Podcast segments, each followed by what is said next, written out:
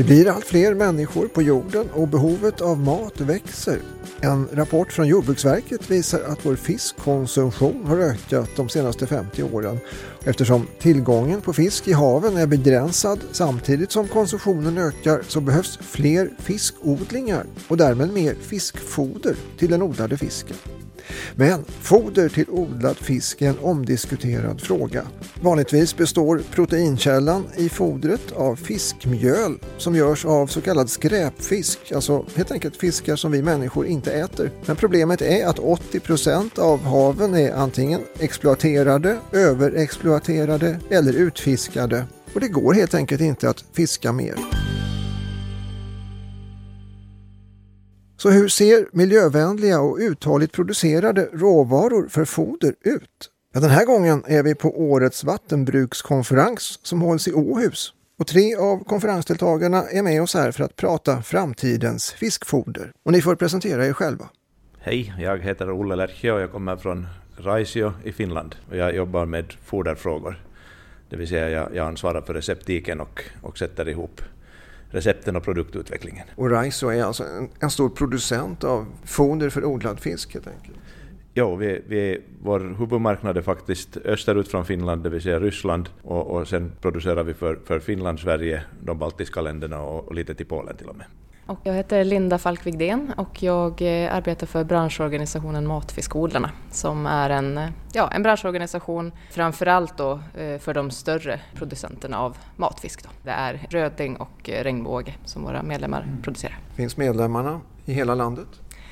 Tyngdpunkten ligger ju liksom norra halvan av Sverige i kalla, kalla vatten. Och vad jobbar du själv med i organisationen?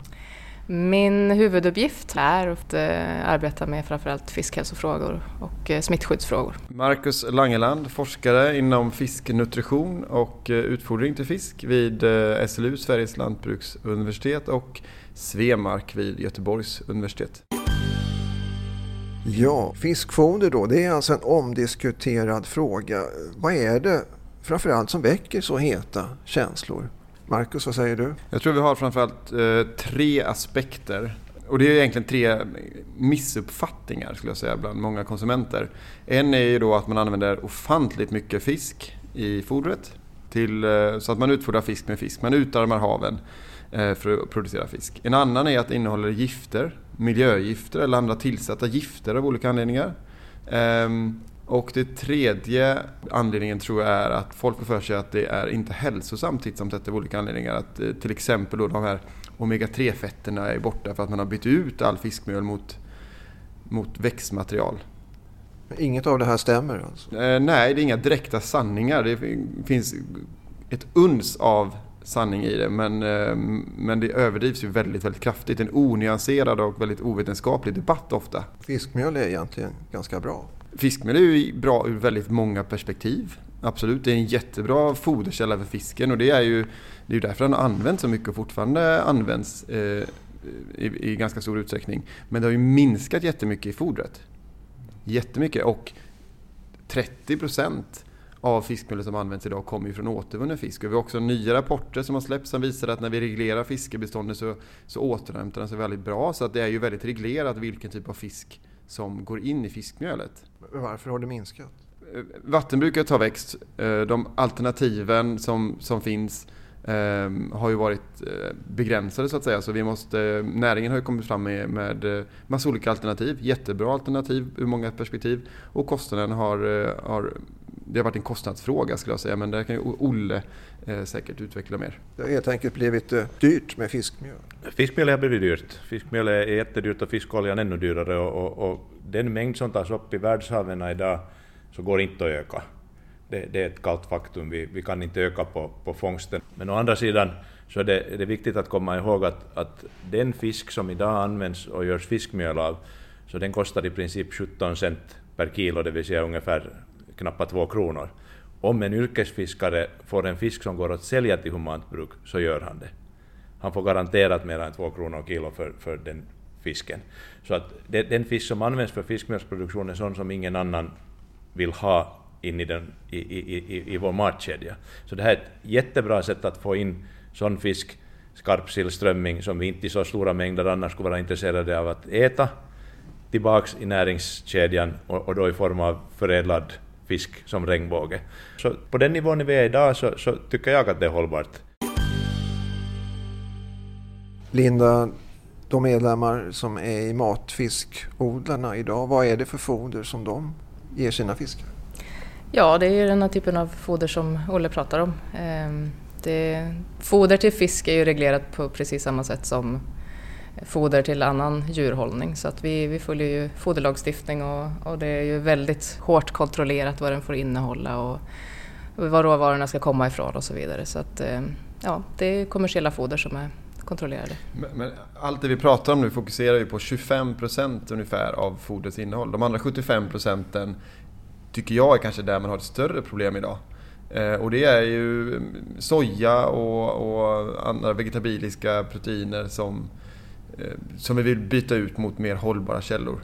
Och det är ju det som många missar och inte känner till eller fokuserar på. Kan du reda ut det där lite mer? Grund? Jag kan reda ut det där lite mer.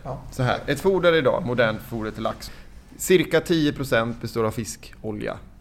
Någonstans 15% i snitt kanske fiskmjöl. Kanske lite mindre till och med. Så det är ungefär en fjärdedel om vi generaliserar lite grann. Mm. Resten 75% då. 20% soja ungefär och sen har vi andra vegetabiliska proteinkoncentrat. 10-15% rapsolja. Eh, och så någonstans 5% ungefär mikroingredienser. Va? Alltså lite vitaminer, mineraler, saker som ska tillföra kanske hälsobefrämjande eh, effekter, eh, lite färgämnen. Ofarliga sådana vill jag påpeka, så, så vitt vi vet. Det är ganska hårt reglerat.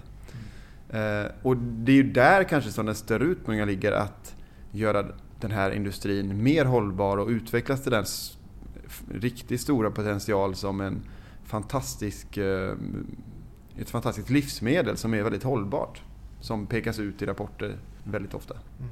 Och själva fiskmjölet då som det finns i fodret, är, men det är ändå en viktig del för att fiskarna som växer upp då ska få det de behöver.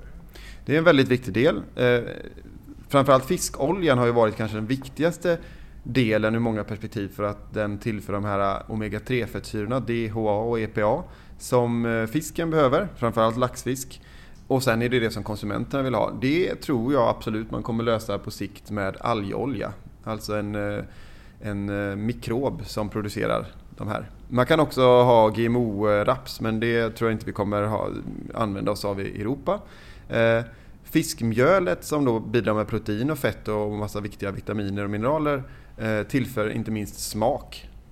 Så att för fisken ska tycka om att äta fodret så tillför det smak som är väldigt viktigt. Plus viktiga aminosyror. Så smak är viktigt även om man är fisk? Precis, det ska smaka gott för fisken och sen ska vi tycka att fisken smakar gott. Skulle fiskfodret lika gärna kunna innehålla annat protein såsom gäst eller insekter? Absolut. Eh, vi tittar ju och jobbar ju med alternativ eh, och eh, mikroorganismer i form av mikrosvampar, gäst, bakterier eller alger är ju ett spår som vi jobbar med som är väldigt intressant. Sen har vi ju olika organismer vi kan odla i hav som tar upp näringsämnen. Blå fångstgrödor, också jätteintressant. Men de har alla sina nackdelar. Så. Och sen har vi insekterna som det pratas väldigt, väldigt mycket om. Som jag på sätt och vis ser som en hyfsat temporär lösning eftersom vi måste mata insekterna med någonting. Men eh, insekterna är intressanta också. Eh, absolut. Som, som protein och fettkälla.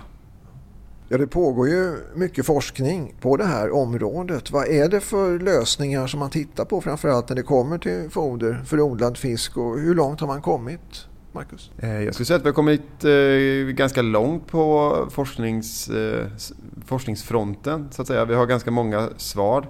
Det handlar ju mycket om att hitta kommersiella krafter som är beredda att investera mycket i detta. Framförallt om man tittar på de här mikroorganismerna Eh, så eh, är det ingenting man har hemma i sin källare direkt utan eh, det är en, en storskalig produktion som krävs.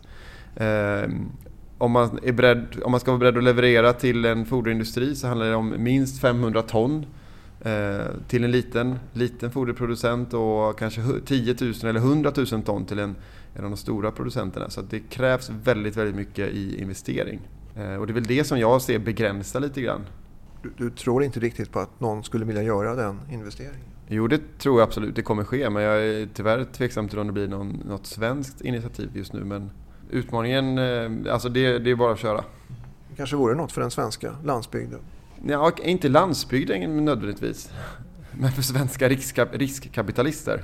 Det är väl just det man måste förstå, att det här kanske inte är någonting som en, ett bondekooperativ eller eh, en egen företagare gör. Det är väl lite sådana initiativ vi ser och man tänker sig att det här ska jag göra, utan det krävs hundratals miljoner. Det är ju liksom en helt ny industri vi pratar om, men där ligger ju också potentialen i det här. Att det här kan bli riktigt, det kan bli stort. Men du skulle gärna se att en sån industri uppstod här i Sverige? Jättegärna. Det får gärna ske, det får gärna ske i våra grannländer också. Och, och det som vi åtminstone inom foderindustrin anser att, att, att vi måste ju vara med idag och bygga framtidens foder. För det, det här är ett faktum om, om fem år eller tio år så, så, så, kommer vi att behöva ännu mera foder än vad vi behöver idag. Och var, vilka råvaror ska vi då använda? Att det, det, det är nu vi ska göra det här forskningsarbetet. Linda, hur expansiv är den här branschen egentligen? Att odla fisk, att vattenbruka? Ja, globalt sett så växer ju vattenbruket väldigt mycket. Det är den störst, mest växande eh, näringen. Ehm, så att, ehm, och även i Sverige så finns det ju liksom, det finns en vilja och det finns ett driv och det finns eh, väldigt mycket eh, engagemang och goda förutsättningar. Så att, eh, och vi ser ju fodret som en, en viktig del i att kunna växa. Vi måste tänka framåt, precis som Olle säger. Så, um, ska vi landa där vi vill landa så, så behöver vi tänka annorlunda när det gäller fodret. Vad inom forskningen just nu är du mest entusiastisk över? Olle? Om, om, vi tittar på det som vi har diskuterat här under de här två dagarna så, så tror jag att den här singelcellproteinet och, och eventuellt köpung eller någon annan kunde, kunde vara någonting. Men singelcellprotein, det vill säga encelliga organismer, så, så verkar nog att vara den som är mest potentiell att bli lönsam inom en nära framtid. Och Markus har redan bevisat att, att man också kan mata den i fisk. Just det. En här på vattenbrukskonferensen då där vi är och gör den här podden i Åhus närmare bestämt. Så bland de projekt som presenterades där så var det ett som kallas för Salmonade och som du är inblandad i på ett hörn, Marcus Langeland. Och som då går ut på att man ska använda skog som fiskfoder. Precis, ner med hela granar. Nej, utan det är ju restströmmar som är rätt eh, rika på komplexa kolhydrater Cellulosa bland annat som eh, vi med hjälp av fermentation eh, kan omvandla med, med, mikroorganismerna då till ett, en högproteinhaltig råvara som kan gå in i fodret. Och det är ju inte så, vi, du nämner ju platsen Åhus här. Här i Åhus har vi ju då en eh, sprittillverkning och vi har nyss fått nya pengar från eh, Kamplastiftelsen för att titta på eh, hur man kan använda i princip samma eller snarlik mikroorganism på, på en av restprodukterna från sprittillverkning. Så att det finns många restströmmar i samhället som vi inte använder idag ehm, till något speciellt som vi kan göra något ännu bättre utav. Ja, det låter ju jättesmart. Och det här skulle då kunna ersätta exempelvis sojan i den dagens fiskfodermix så att säga. Precis, våra, våra försök tyder eller visar ju det ganska klart att vi kan byta ut sojan eh, utan att få en negativ eh, tillväxt. Men jag tycker egentligen att det som känns mm, mest positivt är just eh, att det finns så mycket samarbeten mellan branschen, forskning eh, och att man också tittar på eh, vad som kommer ut i ändan, ändan. Man tittar på livsmedlet och man kollar på vad kommer det smaka bra? Eh, kommer folk vilja ha det här? Hur, hur, blir, vad blir produkten i slutändan? För att allt som vi gör innan det är ju liksom till ingen nytta om ingen vill köpa den eller om, om det inte blir en, en bra fisk i slutändan. Liksom. Ja, du menar att man tänker rätt hela vägen från början? Precis, att vi kanske får, får, tänka om hela vägen och innan vi liksom börjar på något nytt så har vi testat eh, alla delar i linjen. Och hur nära branschen då arbetar eh, forskningen eh, när nytt foder ska tas fram? Vad är det som efterfrågas? Eh, utan vidare nära branschen, det vill säga vi har, ett, vi har, vi har inte en egen forskning utan där, det, det är ett samarbete. Och, och, och, det är inte, ofta är det inte heller hemliga projekt från foderindustrins sida utan, utan det är universiteten och högskolorna som vars forskare tar fram den första idén och, och gör de här själva testerna och sen, sen körs det upp i stor skala om det, om det någon gång blir någonting av dem. Så det är ett jätteviktigt viktigt samarbete som, som pågår hela tiden. Går det att stärka internationell konkurrenskraft då för svensk forskning och innovation inom fiskfoder? Vad säger du Marcus? Alltså kan det här bli en framgångssaga för Sverige om vi gör rätt? Ja, forskningsmässigt så ligger vi långt framme skulle jag säga. Om vi pratar om eh, vad vi gör i forskningen och hur vi konkurrerar med andra forskare och eh, såväl samarbetar som konkurrerar. Eh, Rent affärsmässigt eller industrin så ser jag också att vi har potential. Det finns potential. Vi har en, till exempel en stor skogsindustri. Vi har, vi har ju jättebra forskning inom andra områden här som vi skulle kunna använda. Men eh, tittar man rent produktionsmässigt, och det här kanske Linda är bäst att svara på, men där ser vi ju att vi har ju vissa faktorer i samhället som begränsar eh, fiskodlingen i Sverige. Ja, det handlar ju om eh, ganska komplicerade och osäkra tillståndsprocesser och så vidare som begränsar. Eh, vi, vi, har ju liksom en politisk vilja att utveckla vattenbruket men sen finns det vissa ja, lag, lagstiftningsmässiga eh, hinder på vägen. Men det verkar ändå som man är beredd nu. Har det framkommit eller liksom skymtat till de här på konferensen att det kommer att ändras på det? Ja, det pågår ju, det pågår ju ett, ett jättestort arbete för att se över och försöka förenkla. Eh, och vi hoppas ju förstås att det ska leda fram till verklig eh, liksom, eh, handfast ändring. Eh, men eh, vi vet ju också att, att politik och byråkrati inte alltid Ja, det blir inte alltid som vi kanske önskar, vi som är ute och arbetar. Liksom. Så vi, får, vi får se, vi hoppas, vi hoppas verkligen. Så det är verkligen en, en hake i hela den här kedjan då som du just beskrev. Eh, ja, den, eh, den är ju också ett hinder när det gäller det här med att utveckla fodret. Jag menar, eh, det handlar om liksom miljarder att investera i i, i en fabrik som skulle kunna ta fram ett nytt, eh, ett, en ny råvara. Eh, men riskkapitalister är kanske inte riktigt benägna då när vi inte ens vet om vi kommer ha en produktion liksom, och, och vart den kommer ligga så är man kanske inte jättebenägen att satsa pengarna just där. Eh, även om viljan finns och, och förutsättningarna finns där i övrigt. Ja, för ni säger ju att ni har uppfattat att den politiska viljan mm. finns att vilja stötta det här. Ja, och branschen har viljan och vi har liksom förutsättningarna också. Så att, mm. Så, så vem, vem skulle kunna ändra på, på någonting då egentligen? Om inte politikerna kan.